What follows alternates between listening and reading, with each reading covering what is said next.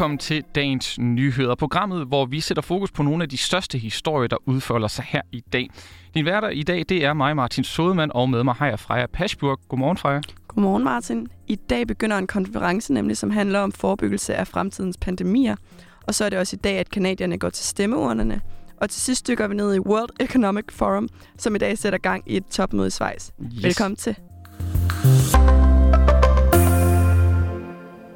Hvad betyder menneskets påvirkning for kommende pandemier? Kunne den næste pandemi opstå i Danmark? Og hvordan kan vi egentlig forebygge, at virus opstår og muterer i produktionsdyr og mennesker? Ja, det er altså en række af de spørgsmål, som en øh, del eksperter skal have svar på under dagens konference på Christiansborg. Syv ekspertoplæg vil nemlig afdække temaer, hvor der enten er bekræftet eller mulig kobling mellem epidemier og fødevaresystemet, presset på den vilde natur og tab af biodiversitet, vira og bakterier i dyreproduktion, samt sammenhængen mellem kost, immunforsvar og sundhed. Og den her konference den er arrangeret af Dansk Vegetarisk Forening, og Rune Kristoffer Dragsdal, der er generalsekretær i foreningen, forklarer her lidt mere om dagens konference. Vi øh, har arrangeret en konference, som handler om, hvordan øh, vi kan forebygge fremtidige epidemier øh, gennem et mere plantebaseret fødevaresystem. Og det er fordi, at øh, ja, det fødevaresystem, vi har i dag, det er forbundet på en række forskellige måder med, med risikoen for, at vi får nye epidemier i fremtiden. Og det handler både om øh, øh, hvad skal man sige, naturen, biodiversiteten, det handler om forholdene for dyrene i landbruget, og så handler det også om den kost, vi spiser. Og der er altså forskellige måder, hvorpå man kan mindske risikoen for fremtidige epidemier, hvis man øh, går over til et system, som i højere grad er baseret på planter end, øh, end landbrugsdyr. Ja, og Rune Kristoffer Dagstalen mener altså, at fordi verden lige har stået øh, igennem sådan en pandemi her, som stadigvæk er i gang flere steder og bestemt ikke overstået, så er der behov for at se på flere ting. Der er behov for at sætte fokus på dels, hvordan kan vi forebygge fremtidige epidemier, øh, dels at det overhovedet opstår fra starten af, dels at når de rammer os, øh, kan vi så for eksempel mindske vores sårbarhed over for dem. Og det er jo for eksempel gennem øh, en grønnere kost. Der har faktisk været en række studier, øh, der har vist, at øh, hvis man spiser øh, mere plantebaseret og meget plantebaseret, så mindsker man risikoen for at blive indlagt øh, med covid-19. Øh, og det øh, synes vi, der trænger til at være mere fokus på. Øh, altså også den del af det. Der er ingen, der kan vide sig sikre fuldstændig, men man kan faktisk gøre nogle ting for at mindske risikoen, og der mangler bare fokus på det her i den offentlige debat. Der har været fokus på alle mulige andre tiltag, men ikke på, hvordan man forebygger selve det, at epidemier opstår, og heller ikke, hvordan vi kan styrke vores øh, modstandsdygtighed i forhold til kosten. På konferencen der vil der så også være et øh, oplæg om, hvordan internationale investorer de forholder sig til fremtidige epidemier i forhold til fødevaresystemet øh, samt en politisk debat, hvor også Landbrug og Fødevare og Økologisk Landsforening de deltager. Og en af dem, som også deltager i konferencen, det er Jan Dahl. Han er epidemiolog og chefkonsulent ved Landbrug og Fødevare. Han deltager i paneldebatten, som øh, netop handler om, hvorfor vi ser pandemier og hvad der kan gøres for at undgå dem. Og han fortæller, at der er flere grunde til, at han har sagt ja til at deltage ved den her konference. Jeg har sagt ja til at være med til den her debat, øh, for forhåbentlig at kunne øh, bringe lidt indsigt i, hvad det rent faktisk er, øh, vi kan gøre i dansk landbrug i den her problemstilling, men også for at få perspektiveret, øh, at det her pandemispørgsmål er altså et meget bredere spørgsmål end det, vi kommer til at sidde og diskutere der. Jendal han medgiver faktisk, at hvis vi lever fuldstændig vegansk, så kan vi nok undgå langt de fleste pandemier, men han mener altså, at det er en smule urealistisk. Der kan være rigtig mange gode grunde til, at vi skal reducere vores kødforbrug. Øh, sundhedsmæssige årsager, altså dem, der spiser for meget kød, de bør reducere det. Men i verden, der vil der altså også blive spist kød i morgen, om 10 år, om 20 år. Og alting tyder på, at der faktisk bliver spist mere kød, fordi rigtig mange mennesker i verden bliver rigere og rigere, og noget af det, der sker, når man bliver rigere, det er, at man spiser mere kød. Så jeg synes, der er rigtig mange gode grunde til, at vi skal interessere os for plantebaserede fødevarer. Men det bliver altså ikke det, der kommer til at redde os øh, fra pandemierne, fordi verden bliver ikke vegetar i morgen, eller i overmorgen, eller om 10 år. Så øh, det er desværre ikke det, der kommer til at løse det. Nej, og så er spørgsmålet jo, hvad kan man ellers gøre? Han mener i hvert fald, at vi i stedet skal eksportere den danske landbrugsmetode, så man i de tropiske lande ikke skal få tæt på vilde dyr. Der er ikke nogen tvivl om, at hvis, hvis hele verden blev øh, veganere, så vil det reducere den her risiko. Det vil ikke fjerne den fuldstændig, fordi det vil stadigvæk være sådan, at der kan være, skal vi kalde det, tilfældig kontakt til vilde dyr. Men hvis hele verden blev vegansk, ja, så vil det reducere sandsynligheden for det her. Og det er jo i langt størst udstrækning, fordi det vil reducere, at der er mennesker, der øh, for eksempel jager aber for at spise dem. der er mennesker, der øh, jager øh, flagermus for at spise dem. Det, det er det, der vil have den aller, aller største effekt af, hvis vi alle sammen blev veganere. Ja, man kan altså høre meget mere på den her konference, der finder sted fra 9.30 til kl. 16 inde på Christiansborg. Og øh, Jan Dahl er jo en af dem, der står bag øh, oplæggene, og det er netop de her oplæg, som øh, særligt øh, Rune Kristoffer Dragsdal han altså glæder sig til at høre om. Jeg glæder mig personligt til at høre oplæggene. Det er jo hovedforfatteren på FN's Miljøprograms rapport om øh, pandemier.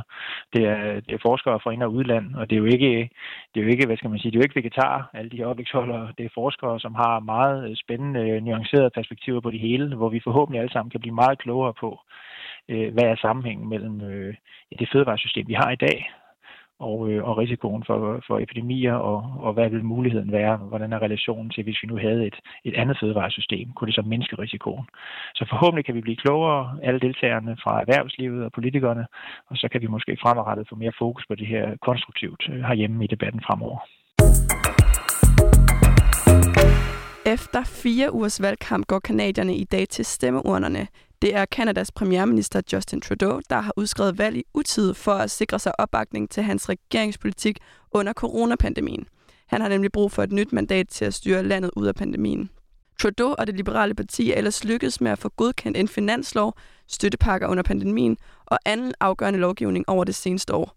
Og det skete på trods af, at Trudeau i spidsen for en mindretalsregering er afhængig af andre partier for at opnå flertal for sin politik.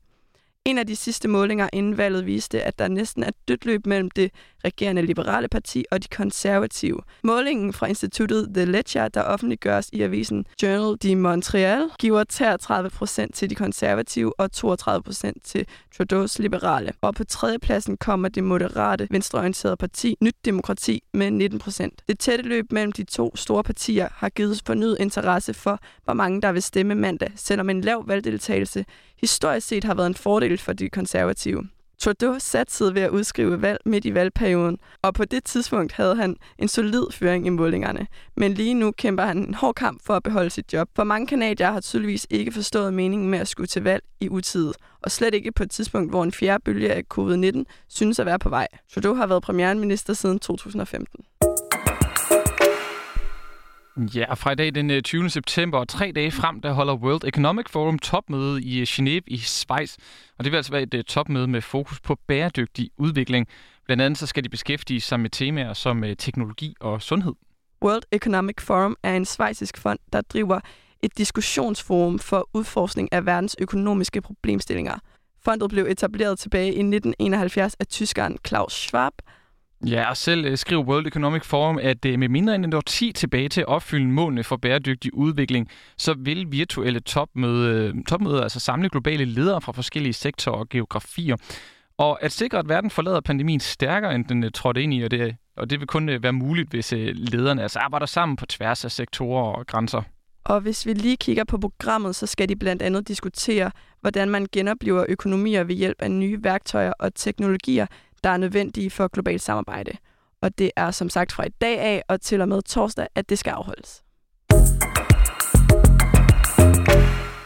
Yes, og traditionen tro, så skal vi altså lige forbi et øh, par af, øh, dagens avis forsider. Hvis man kigger på Kristelig Dagblads forside, så handler det i dag om, at ortodoxne kristne stormer frem herhjemme. En ny beregning fra en øh, religionssociolog fra Københavns Universitet estimerer nemlig, at der er omkring 106.000 ortodoxe kristne i Danmark, Dermed så udgør de omkring 1,8 procent af befolkningen. Ifølge tallene så er de ortodoxe kristne, eller de katolske, landets næststørste kirkeretning blandt de kristne indvandrere og efterkommere, og de overgår altså også antallet af Danmarks hinduer, buddhister og jøder til sammen. Flere andre undersøgelser peger også på, at øh, de ortodoxe kristne stormer frem i øh, landet. Som sagt, en analyse fra Danmarks Videnscenter for Integration, der endnu ikke er publiceret godt nok, anslår, at antallet af indvandrere og efterkommere fra primært ortodoxe kristne lande er mere end tredoblet over de seneste 20 år. Men øh, den her store gruppe af indvandrere, den lever altså en relativt skjult tilværelse her øh, hjemme i Danmark. Det er altså ikke noget, man hører øh, meget om. Det fortæller en øh, kirkehistoriker fra Lunds Universitet, øh, som øh, forsker i de her ortodoxe øh, kristne til øh, avisen Kristelig Dagblad. Ja, og jeg har læst politikken, som på deres forside skriver, at tre af fire danskere finder det positivt med øget fokus på, hvordan vi undgår grænseoverskridende adfærd. MeToo har nemlig virkelig flyttet grænser, siger en række eksperter. 90 procent af danskerne vurderer, at de selv i nogen grad, i høj grad eller i meget høj grad, er opmærksomme på ikke at overskride andres grænser. Det viser en repræsentativ rundspørg blandt danskerne, som Megafon har lavet for fagforeningen Jøf. Rundspørgen viser også, at især det seneste år har rykket danskerne, hvor mere end hver tredje svarer således, at de helt eller delvis enige i, at de i løbet af det seneste år er blevet opmærksomme på at undgå at overskride andres grænser. Og samtidig svarer tre ud af fire danskere, at de er helt eller delvis enige i, at det er positivt, hvis folk i løbet af det seneste år er blevet mere opmærksom på at undgå at overskride andres grænser. Ja, og øh, med det så overskred vi ligesom sådan øh, tidsfristen for den her øh, udgave af dagens nyheder. Det var i hvert fald alt, hvad vi havde med her.